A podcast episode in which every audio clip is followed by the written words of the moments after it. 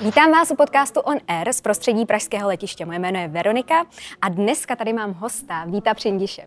Vítko, já bych tě představila. Ty jsi český vodní slalomař, kajakář závodící v kategorii K1. Uh, máš docela dost úspěchů na svém seznamu. Uh, k největším úspěchům patří stříbrná medaile z mistrovství světa 2017 a zlato v mistrovství Evropy 2019. Potom si zvítězil 2017 jako první český kajakář v historii v celkovém hodnocení světového poháru v kategorii K1. A mohla bych takhle pokračovat. Víš, co mě ale nejvíc zajímá, kdy jsi začal a jak? Protože dostat se takhle ke sportu a věnovat se mu naplno není určitě jednoduchý a ta cesta k tomu není jednoduchá. Tak jaké to bylo? Verčo, ahoj. Jednoduchá ta cesta určitě není. Já jsem měl trošku jako jednodušší, ještě řeknu takhle, protože ten sport eh, je menší, je rodinný, takže já jsem se k tomu dostal přes rodinu, můj táta ten sport dělal, ale on se k tomu dostal tenkrát jako slepý k houslím, prostě se ho vybrali ve škole, však by k tomu mohl být nadaný, on byl, tak eh, u toho vydržel. Já mám dva starší bráchy a vlastně jako jediný jsem vůbec u toho vodního slalomu, u toho jako zůstal. Eh, oba dva bráchové si vybrali jinou cestu, jinou životní cestu a mě ten sport prostě bavil, nikdy mě do, do toho nikdo nenutil. Já jsem mládí dělal spoustu různých jiných i sportů, jiných aktivit, ale tak nějak mi ta voda byla nejblíž a je mi vlastně nejblíž doteď protože se mi tam líbí to hraní s tím živlem a každý trénink je úplně jiný, než byl třeba ten včera. Takže jako po každý je se co učit a po každý je uh, možný hledat nějakou cestu, jak se zlepšovat a nějakým způsobem, jak prostě uh, se neustále zdokonalovat. Mm-hmm. Ty jsi začal v pěti letech, jestli se nemýlím. No plus Nebo minus, já to nepamatuju, že jo. No, Poprvé jako, jsi nasedl no, do kajaku v pěti letech. To jsem někde napsal na, asi na svůj web a nevím, jestli to úplně pravda, ale říkala mi to babička, že mě třeba viděla v pěti letech jako prostě totální škvrně v malém kajaku ale jako věnovat jsem se tomu vodnímu slalomu začal trošku později, až třeba okolo 8-9 let, si myslím. A má na tom teda zásluhu tvůj tatínek, který sportoval? Přesně tak, táta byl asi největší jako takový ten hnací eh, motor. On mě i dlouho trénoval, eh, až skoro teď nevím do kolika let, 23, 24. Mám tady poznámku do roku 2013. No, tak to jsem se trefil do 24. A vlastně on mě k tomu přived, on mě i jakoby v tom vychoval a, on nebyl nikdy moc přísný trenér, takže uh, to pro mě bylo i dobrý, že tak jsem si tak trošku hledal svou vlastní cestu. Občas to bylo dobrý, přesto bylo samozřejmě špatný, že uh, v tomhle mladém věku většinou i člověk Petře trošku jako přísnou ruku. no to mě právě zajímalo, protože já moc dobře vím, že spousta sportovců má právě rodiče uh, takhle v oboru a už se rovnou ujmou toho, uh, toho tréninku a jsou tady trenéři. A hodně slýchám, že jsou právě přísní trenéři, takže teďka nebyl přísný. Táta nebyl a on navíc netrénoval jenom mě, on trénoval eh, jakoby mnohem větší skupinu. I doteď trénuje, stará se o juniorské družstvo kajakářů, a, ale už to dělá spíš jako tak trošku bokem. Dřív, když trénoval ještě mě, tak byla docela hodně silná skupina kajakářů, ale opravdu on nebyl nikdy takový ten trenér, který byl, byl extra ambiciozní, on spíš chtěl, aby nás ta voda bavila, aby nás bavil ten sport, abychom dělali pro sebe. Za což si hrozně eh, toho, jakoby, za co, což si hrozně cením. Na druhou stranu si myslím, že bych tenkrát měl trošku přísnější přístup, že bych třeba byl jinde, anebo naopak, bych třeba, by mě to třeba přestalo bavit, takže ono se nedá nikdy říct. A, a já jsem přesně tak a já jsem rád za to, kde jsem teď. A teď mi řekni, triček, eskimák. Kdy jsi to naučil, v kolika letech? No, možná, to jestli to vysvětlíš eh, posluchačům, že někteří možná nevědí, možná slyší tenhle pojem poprvé. Ono to, ono to jde hodně v ruku, ruku v ruce s tím, kdy člověk začíná, protože to je takový základní jako skill toho, aby člověk mohl vůbec začít pádlovat a furt neopouštěl loď, protože eskimák slouží k tomu, abychom, když se převrátíme, to znamená, dostaneme se hlavou dolů pod vodu, abychom se, stali, abychom se dokázali vrátit zpátky slouží k tomu takový speciální záběr pádlem, že my odpředu jdeme dozadu a jednoduchým pohybem v podstatě, je to takový už automatismus, se dostaneme nad vodu. Učí se to děti opravdu v tom raném věku, okolo těch 8-9 let v bazénu. Takže většinou mají se záchranou, mají brýle na očích, takže vidí, co se kolem nich děje, můžou si to krásně představit, což se většinou i naučí docela rychle během dá se říct pár hodin, když to řeknu takhle, se to naučí. Pak je mnohem těžší to převízt do praxe, protože přece ta divoká voda se chová úplně jinak než ta v bazénu. Takže to vyzkoušet si to pak v té praxi, nebo spíš aplikovat to v té praxi je mnohem těžší. Uh, u těch dětí to není tak hrozný, ale dost často i, okolo sebe teďka slychávám, protože se starám o výuku i kempů, o pár lidí jakoby, uh, v rámci uh, kempů a chodí lidi starší, kteří mají problémy opravdu aplikovat toho eskimáka v té divoké vodě a jsou starší a prostě nedokážou si představit, co v tu chvíli mají udělat, protože je chytne trošku panika, bojí se, že se někde bouchnou, ta divoká voda se kolem nich mele, takže nejsou v té přirozené pozici a mají s tím problémy. No. A ty to zvládáš si bravurně, bych řekl. Zatím jo, tak Zatím jako jo. už jsem dlouho neopustil loď.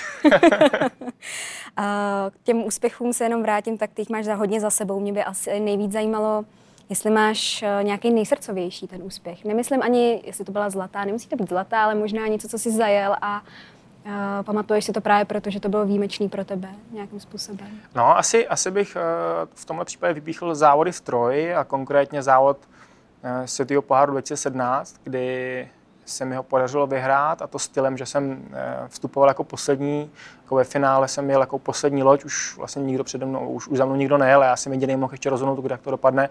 A v Troji jsou naprosto nádherný, jako je nádherná atmosféra, několik tisíc lidí tam burácelo na břehu a mě se to podařilo vyhrát a to prostě, to byla úplně krásná, euforická jako radost eh, v cíli. Byli jsem, já jsem byl první, že prostě byl druhý, jak jsme to krásně oslavili a, a to, si, to si doteď pamatuju a prostě pamatuju ten pocit, kdy jsem se cítil jako úplně, úplně úžasně.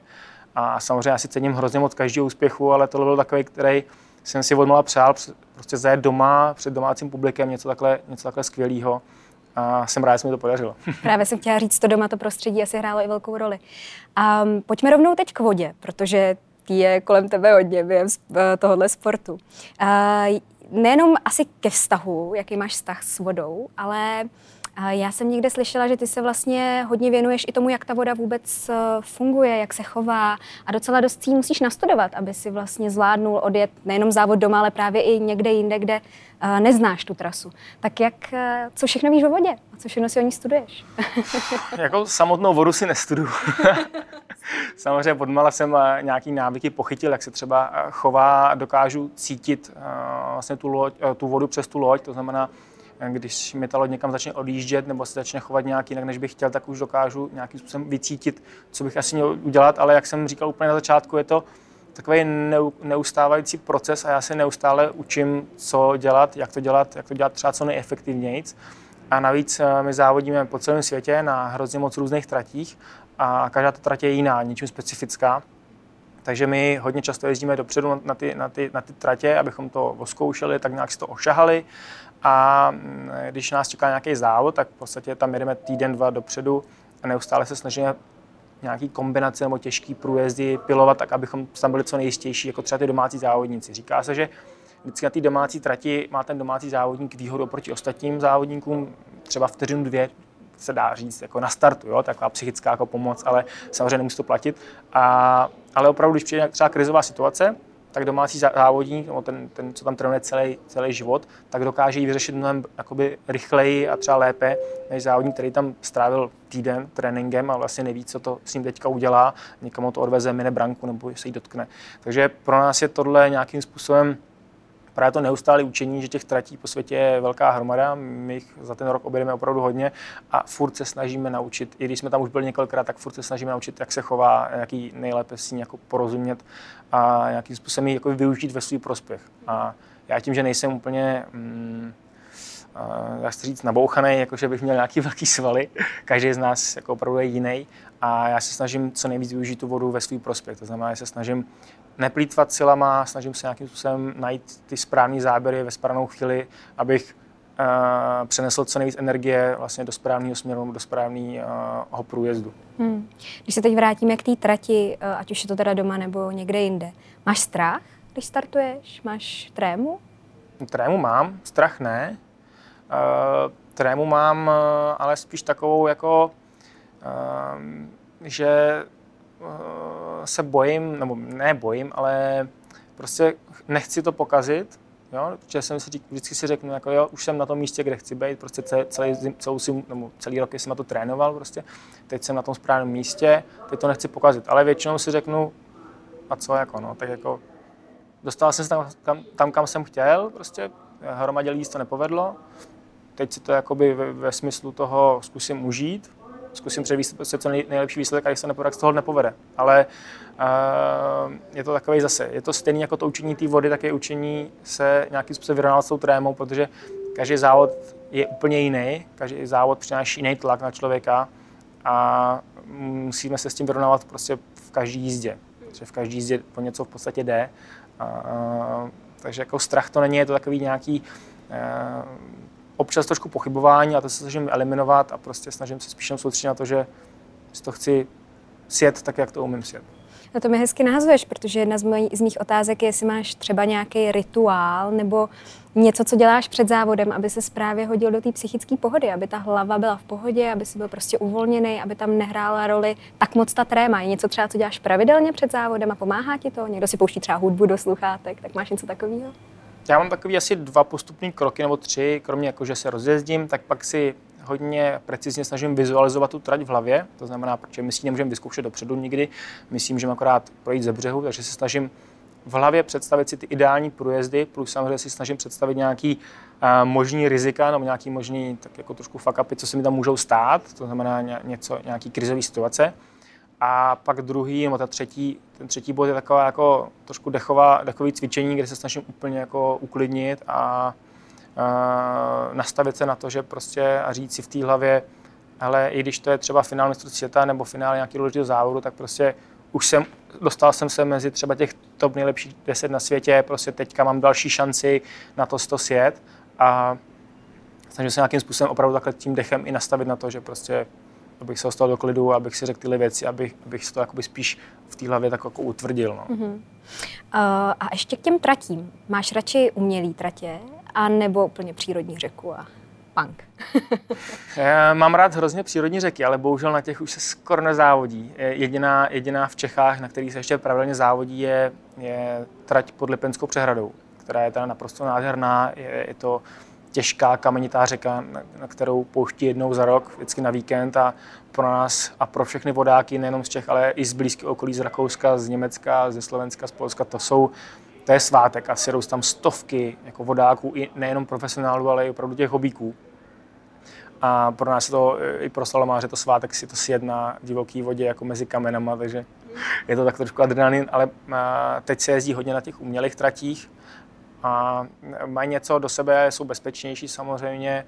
Na druhou stranu eh, dost často jsou i trošku ošklí, protože jsou to jenom betonový takový eh, koryta. Ale hm, tak to hold je, eh, staví se to u měst, aby tam, aby tam mohli dostat diváci, aby to jako přineslo nějakou popularitu, takže s tím asi nic neuděláme a ten vývoj takhle byl už, už těch x let. Popiš nám třeba, jaký je režim právě, když začne trénink, když začneš soustředit, jezdit na ty soustředění, tak jaký máš režim? Jaký je, podstatě, to, jak je jiný to volno oproti režimu? Jasně, no tak volno je takový, že si můžu v podstatě říct, co chci. Pokud mám nějaké extra povinnosti, že někde musím na nějakou schůzku nebo něco dělat, eh, tak eh, si můžu v podstatě co chci.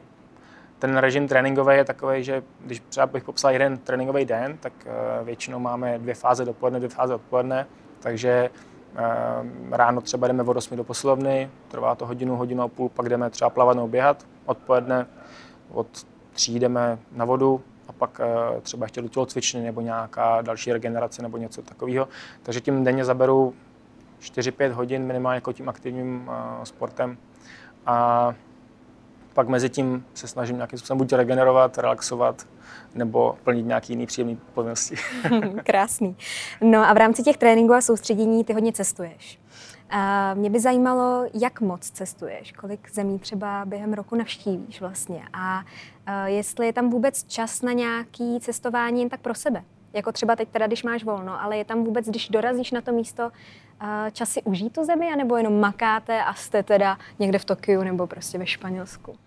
No, eh, když jdeme někam na soustředí nebo na závody, tak většinou ten čas vůbec není, protože trávíme čas buď na hotelu, nebo na cestě z hotelu na trénink, nebo na tréninku a, a dost často i bydlíme prostě někde, kde v okolí třeba nic není. Takže já když jedu na soustřední do Austrálie na zimu, třeba na měsíc, tak, e, nebo loni jsem to počítal, jsem byl 6, 6 týdnů v Austrálii a měl jsem tři volné dny a za ty tři volné dny jsem jako si dal třikrát na pláž a, a jednou do Sydney jako se podívat a to vlastně jako bylo všechno. Takže když řekne člověk, že jede na měsíc do Austrálie nebo na, na pět týdnů, tak všichni, jo, to je skvělý, se budeš mít, a to vlastně jako, je to skvělý samozřejmě, je tam teplo, pro nás to, pro nás to bomba, ale úplně tak idylický, jako když tam člověk pět týdnů cestuje, není. Takže já se snažím cestovat i mimo, mimo ten sport, takže když mám nějaký volno, tak opravdu se snažím někam jako, tak trošku vypadnout. Hrozně jsem se oblíbil Portugalsko v létě, takže už čtyři, čtyři roky po sobě jsem tam byl surfovat přes léto a to mě teda strašně bavilo.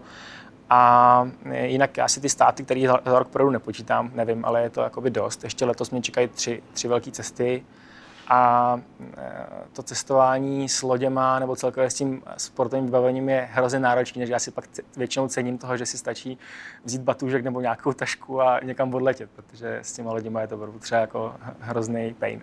To jsem se chtěla zeptat, že ta výbava musí být obrovská, že toho máte asi hodně sebou. No, ta, ta loď má 3,5 metru, Ona není ani moc těžká, ona váží okolo 10-11 kg, když je jako nabalená s obalem a tak, ale třeba půl metru a většina aerolinek to bohužel nebere, takže pro nás je i dost těžký uh, trefit nějakou, nebo spíš domluvit to s nějakou aerolinkou, která nám ty lodě vezme. A teď už jenom dojít s tím na letiště, vyčkat si tu, eh, na ten check-in, prostě někde si manipulovat, eh, pak to zase někde přebírat. Jako historek s cestování s loděma mám hodně a myslím, že i na další podcast. A ty hodně o svých cestách píšeš i u sebe na blogu, nebo hodně. Docela, docela dost článků jsem tam našla. A myslím, že by byli i čtenáři rádi, kdyby si přispíval častěji. A co mě hodně zaujalo, byla tvoje cesta do Japonska kam se vydal vlastně za olympionikem trojnásobným, který je, eh, nebo funguje tam na jednom z poutních míst, a je to mnich. Co tě vedlo k tomu eh, tam jet a vlastně proč? Proč, proč si podniknul za ním tu cestu? Já jsem eh, v Japonsku už jednou předtím byl a hledal jsem nějakou nějakou věc, která by byla jakoby netradiční a kterou nezažije moc lidí. A právě oslovil jsem mm, eh, ho, který vím, že je mnich, tak jestli by mi nemohl zprostředkovat nějaký zážitek jakoby z buddhistického chrámu. A on teda po dlouhý docela domluvě nejenom s ním, ale i s eh, jedním z mnichů mě vlastně jakoby dohodil místo, kam bych mohl jet. Moje původní myšlenka byla, že bych tam byl na týden a zažil si opravdu ten život mnicha, a oni mi řekli, že to bych asi nevydržel, že maximálně jako mi dají tři dny a, a i z, z, toho, že to bylo kolem uh, nového roku, tak tam mají spoustu oni povinností a že by to nebylo úplně vhodný. A jsem teda souhlasím, že ty tři dny byly, stačilo, protože já jsem měl denní režim vlastně od 6 do 12, do, do 10 do večera, v podstatě takhle naplněný úplně od, eh, od toho rána až do večera s povinnostma, meditacema, prací, eh, i běhama, jsme tam chodili běhat s těmi mnichama, to mě hrozně jako potěšilo, že něco hodně sportovně založení. A eh, kombinace toho, že jsme toho dělali obrovskou hromadu, psychicky i fyzicky, a hrozně málo jídla a velký zimy, pro mě teda po těch třech dnech byly jako už, už hodně a myslím, že vydržím dost jako sportovec a tohle tak jako bylo příjemný po těch třech dnech už si dát jako normální jídlo a spát v teple v podstatě a tak. Co jsi tam jedl? Uh, oni, oni připravovali, prostě vždycky jsme dostali misku rejže nějakou malou a k tomu nějakou zeleninu nebo tofu nebo mm, trošku polívky, ale většinou ty porce byly opravdu jako miniaturní.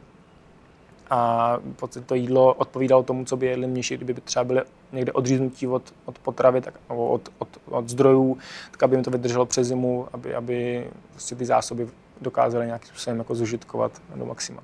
Takže taková skromná strava.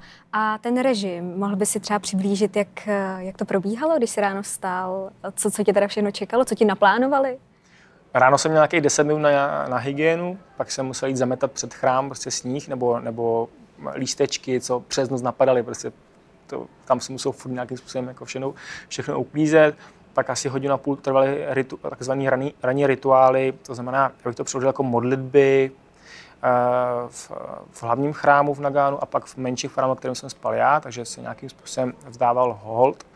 A pak na to navazovala v podstatě nějaká rychlá snídaně, pak doma práce na, zase na chrámu, to znamená eh, v podstatě cokoliv, umývání oken, vlastně, nebo takovýhle, eh, meditace, nějaká vedená většinou, ta trvala třeba hodinu, pak oběd, další práce na, na chrámu, nebo mm, právě ten výběh, většinou se šlo třeba 10 km běhat.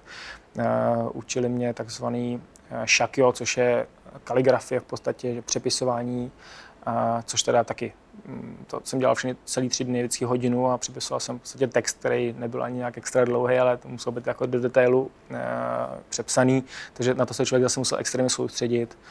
E, večer zase nějaký čtení. Vlastně bylo tam to jakoby hrozně moc. To je zajímavý. A vždycky potom dnu jsem byl úplně vyřízený, musím říct. Jako, jak furt jsem, furt jsem na něco musel myslet, nebo něco jsem musel dělat a navíc v tom Nagánu přes eh, Vánoce, nebo to bylo lehce po Vánocích, to byla opravdu zima. A ten chrám je v podstatě jenom dřevo a papír. Tam prostě žádný okna nejsou a měl jsem jediný malý pří, přímo to v pokoji a furt všude byla strašná zima, takže to bylo hodně náročné.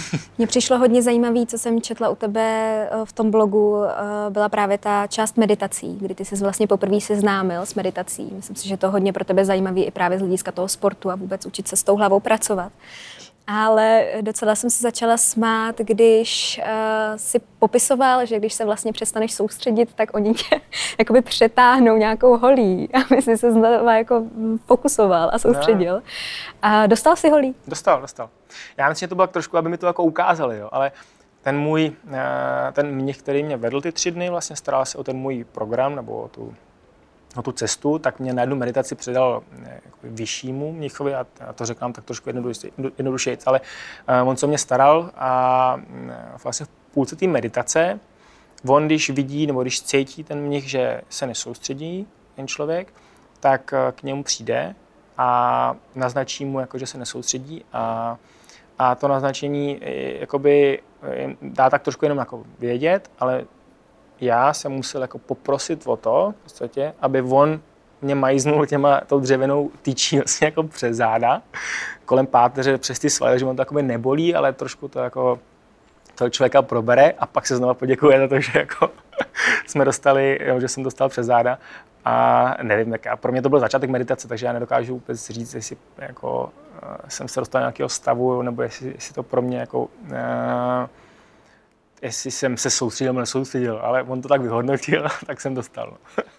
A pak jsem ještě se dozvěděla, že teda kluci věděli, vojágrovi věděli všechno, věděli mm-hmm. o, o, o našich eh, sportovcích. No tak to, to bylo hrozně super, protože to, my jsme, když jsme šli běhat, tak uh, jsem nešel většinou sám, šli jsme třeba dva, tři a povídali jsme si nějakým způsobem anglicky, tak oni docela mě to mě hrozně překvapilo taky a povídali, že si pamatují na Gáno, že si pamatují, že Češi vyhráli hokej. A já jsem začal vyprávět právě tu příhodu a jakoby jak to bylo a, a že ten rok předtím vydali Nagano Tapes, což je dokument o Nagano, o pohledu na český hokejový tým. A vyprávěl jsem mi historku o Sobodovi, jak to vlastně je, co to jméno znamená, že musel emigrovat a tak dál. A oni z toho byli strašně nadšení, úplně jako říkali, to je úplně neuvěřitelné, to, to, je skvělý, to je skvělý. A, a druhý den jsme běželi se podívat na hokejový stadion. A, a, takže to jako, oni, oni také byli hrozně rádi, že se jim mohl vyprávět nějakou jako naší historii. Krásný. Um, vlastně meditace teda, když jsi tam vyzkoušel, tak já se možná trošičku vrátím k té hlavě, k té psychice. Pracuješ ty uh, s tou meditací dneska nějak, nebo vrací se k ní, když jsi to tam naučil, nebo jsi začal? Používáš to při tom sportu, anebo máš nějaký třeba jiný uh, metody, které ti pomáhají během celého toho roku prostě uh, i tu hlavu trénovat? Uh, úplně se tomu nevěnuju jako detailně každý den, ale právě to dechové cvičení třeba před tím závodem uh, navazuje na tu meditaci, že se snažím tu hlavu uvolnit a pomocí dechu a pomocí nějakého počítání jakoby vypustit všechny myšlenky a snažit se jakoby tu hlavu vyčistit nějakým způsobem ji nastavit na to, že vlastně jakoby nic není, než jenom to, že si počítám, dechám si a až to dělám, tak se snažím zasoustředit už jenom na tu jednu věc. A to znamená na to stětí té trati prostě co nejprecizněji můžu, plus samozřejmě vyřešit nějaký krizové situace, které tam samozřejmě vždycky nastanou. Ale tohle dechové cvičení jsem se naučil tenkrát, nebo loni v tom Japonsku a snažím se ho celý rok vlastně uh, využívat a myslím, že se mi to dařilo a že, se, že mi to i v některých situacích pomohlo. No.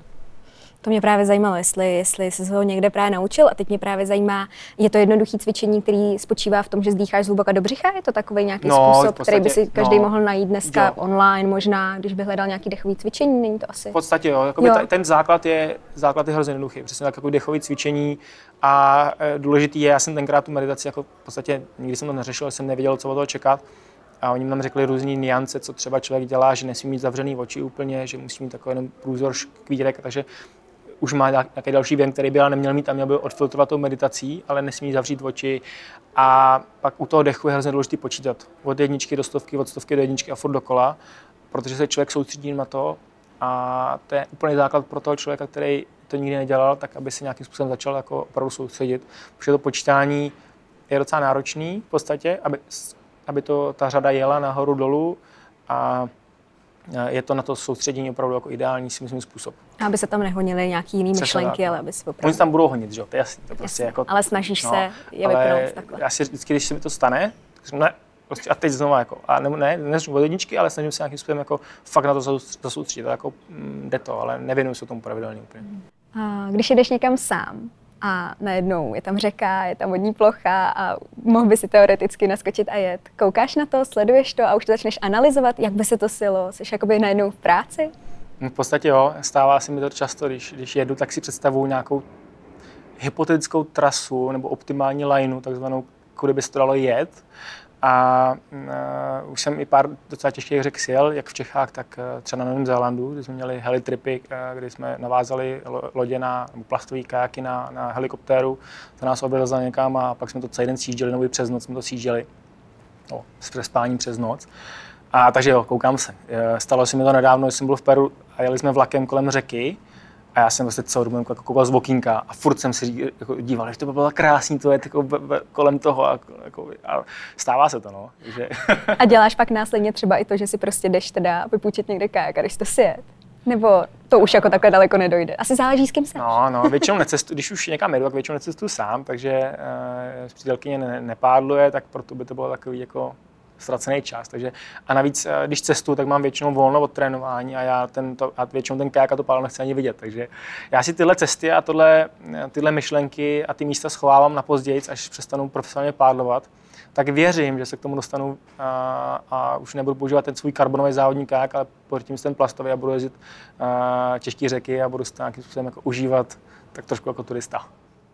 A když cestuješ jako turista, baví tě vůbec ten proces cestování? Protože jak se člověk nacestuje hodně, já sama vím, že ten proces uh, prostě té přípravy, té samotné cesty, toho vybalování, zabalování docela náročný. Baví tě to cestovat? Jako těší se, když jedeš někam sám, anebo teda třeba s přítelkyní? Jo, jak už, jsem, jak už jsem říkal, já rád jezdím do toho Portugalska, kde už tam tak trošku osvědčený, už tam byl čtyři roky po sobě, už vím, co o toho čekat a snažím se ty cesty už volit tak, aby to pro mě bylo hodně příjemné. To znamená, nepřehánět to s nějakým internářem, co chci vidět, prostě nebrat si toho moc, uh, udělat to fakt jako hezký a příjemný, protože přesně toho cestování mám hodně, a když pak jedu někam sám nebo s přítelkyní, tak prostě chci, aby to bylo opravdu pro nás dva příjemný a ne, že se tam budeme každý den hodit nějakýma přesunama, každý den se jde ubytovávat, balit přesně a takovýhle, takže snažím se to nějakým způsobem spíš jako držet už hodně na pohodu. No.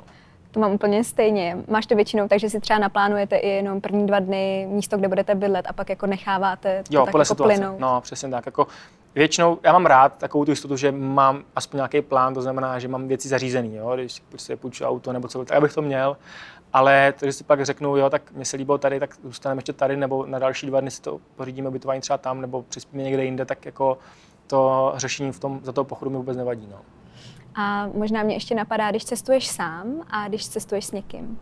A vnímáš tam rozdíl jako solo cestovatel v něčem? No tak povídej, to mě zajímá. Jo, já, jsem, já mám za sebou i pár velkých cest, když jsem byl sám, třeba loni v tom Japonsku nebo na Tajvanu jsem byl tři týdny sám, pár let zpátky. A to solo cestování je super, že se nemusí, nemusím s nikým vlastně dohadovat, co budu dělat. Že? Prostě ráno vstanu, nechce se mi tam jít, nebo nechce se mi přejíždět někam, nebo naopak chci se mi jít něco dělat, tak prostě jdu, a, a, a je to v pohodě. Samozřejmě člověk si všechno musí dělat sám, nemá se na koho opřít a nemá s kým vlastně sdílet ty zážitky. Takže má to své plusy, má to své mínusy a je, je dobrý si myslím to zažít, vyzkoušet si to, protože člověk opravdu to cestování se pochopí z jiné strany a, zažije ho jinak. Ale teď už mám radši to s někým sdílet a, a radši už nejezdím sám. A když uh, teda ještě cestuješ sám, i když teda už teď dáváš přednost víc s někým, tak uh, vypozoroval si to, že máš víc tendenci nebo jsi ochotný více seznamovat s lidmi, jako otevírat se novým přátelstvím a známým uh, lidem, jako že si prostě vytvoří známosti, hmm. právě protože seš sám, děláš to? Jako jak kdy, ale samozřejmě už, už z té situace to víc vyplývá, že člověk tím, že musí víc komunikovat a musí vlastně všechno řešit sám za sebe, tak se dostane do kontaktu s více lidma už jenom třeba na nevím, hostelech, na ubytování, musí si to vlastně všechno sami komunikovat, takže uh, určitě se dostane do většího záběru a může se, může se nějakým způsobem seznámit s více lidma. Ale já ne zase, já jsem trošku introvert, takže já se snažím, uh, když už cestu, tak jako buď tak trošku být sám v klidu, a dělat z toho opravdu jako postým. Nepotřebuji si jako honit kamarády, jakoby, že si je vytvářet, jen abych nebyl sám. To už zase naopak je pak lepší teda s někým jet. a blížíme se k závěru. A mě by zajímalo, jak to máš, uh, to cestování letadlem. Dáváš ho v pohodě, bez nervů? Asi se to bude hodně týkat i toho, jestli cestuješ s bagáží eh, na, na závod nebo ne, ale jak to zvládáš? Uh, zvládal jsem ho líp, podle mě, to cestování. ne, já jsem měl jednu takovou příhodu, uh, kdy jsem letěl, už ani nevím kam, ale uh, letuškám lítali vozejky nahoru dolů při turbulenci, tak mě to bylo jako hodně nepříjemné. A od té doby mám prostě takový jako zvláštní pocit, když, když zlítáme nebo přistáváme, tak jako vlastně si říkám. Ale na druhou stranu vždycky pak jako, co, tak člověk si nic neudělá, v tom letadle už jednou sedí a vím, že to cestování jakoby potřebu, musím se dostat někam, a potřebuji se dostat třeba na druhou stranu světa, ale tato je v tomhle ideální. Takže jako to vždycky v pohodě jako překonám. A docela si užívám to cestování na letišti, že prostě s to zpříjemním dáme si někde třeba pivo nebo kafe nebo cokoliv. Jako rozhodně to nám velký stres. Ale když jsem byl mladší, tak jsem to fakt jako vyhledával, když mě to hrozně bavilo. No, těšil jsem se na to. Teď je to takový, že občas to mám divný pocit. A ještě mi řekni, dlouhý lety, nebo obecně možná, co, co děláš během toho letu, jak si ho zkrátíš? No snažím se spát, no, nebo se koukám na filmy. Ehm, když se mi chce spát, tak prostě jdu spát. Mm, když řešíme pásmovou nemoc, když řešíme nějaký jetlag už dopředu kvůli závodům třeba, tak se snažím samozřejmě podívat na to, kdy ten let je, aby navazoval na třeba ten den, kdy tam přiletíme, aby nějakým způsobem se úplně rozhodil třeba ale mm, snažím se tomu úplně nebránit. Prostě, když si mi chce spát, tak jdu spát. A nebo se snažím v tom letadle aspoň malinko něco dělat, to znamená mm, malinko se hejbat, procházet, pít hodně. Prostě takové ty základní věci, které e, jsou jako banality, ale hodně pomáhají k tomu, aby člověk ten let přežil, třeba když je dlouhý a když letíme 12-15 hodin, nebo tak, tak je to prostě dobrý aspoň něco dělat, protože jsem v té sedačce, je to takový, Právě takový nějaký. uh, tak uh, já držím palce nejen při létání, ať to zvládá všechno v pohodě a bez nervů, ale hlavně i soustředění se, trénování a vyhrávání dalších závodů. Moc děkuji, že jsi přišel. Já děkuji za pozvání. Hostem podcastu On Air byl Vít Přindiš a pokud by vás zajímalo, co poslouchá na cestách, tak si můžete pustit playlist přímo na Spotify, který se stavil sám Vítek.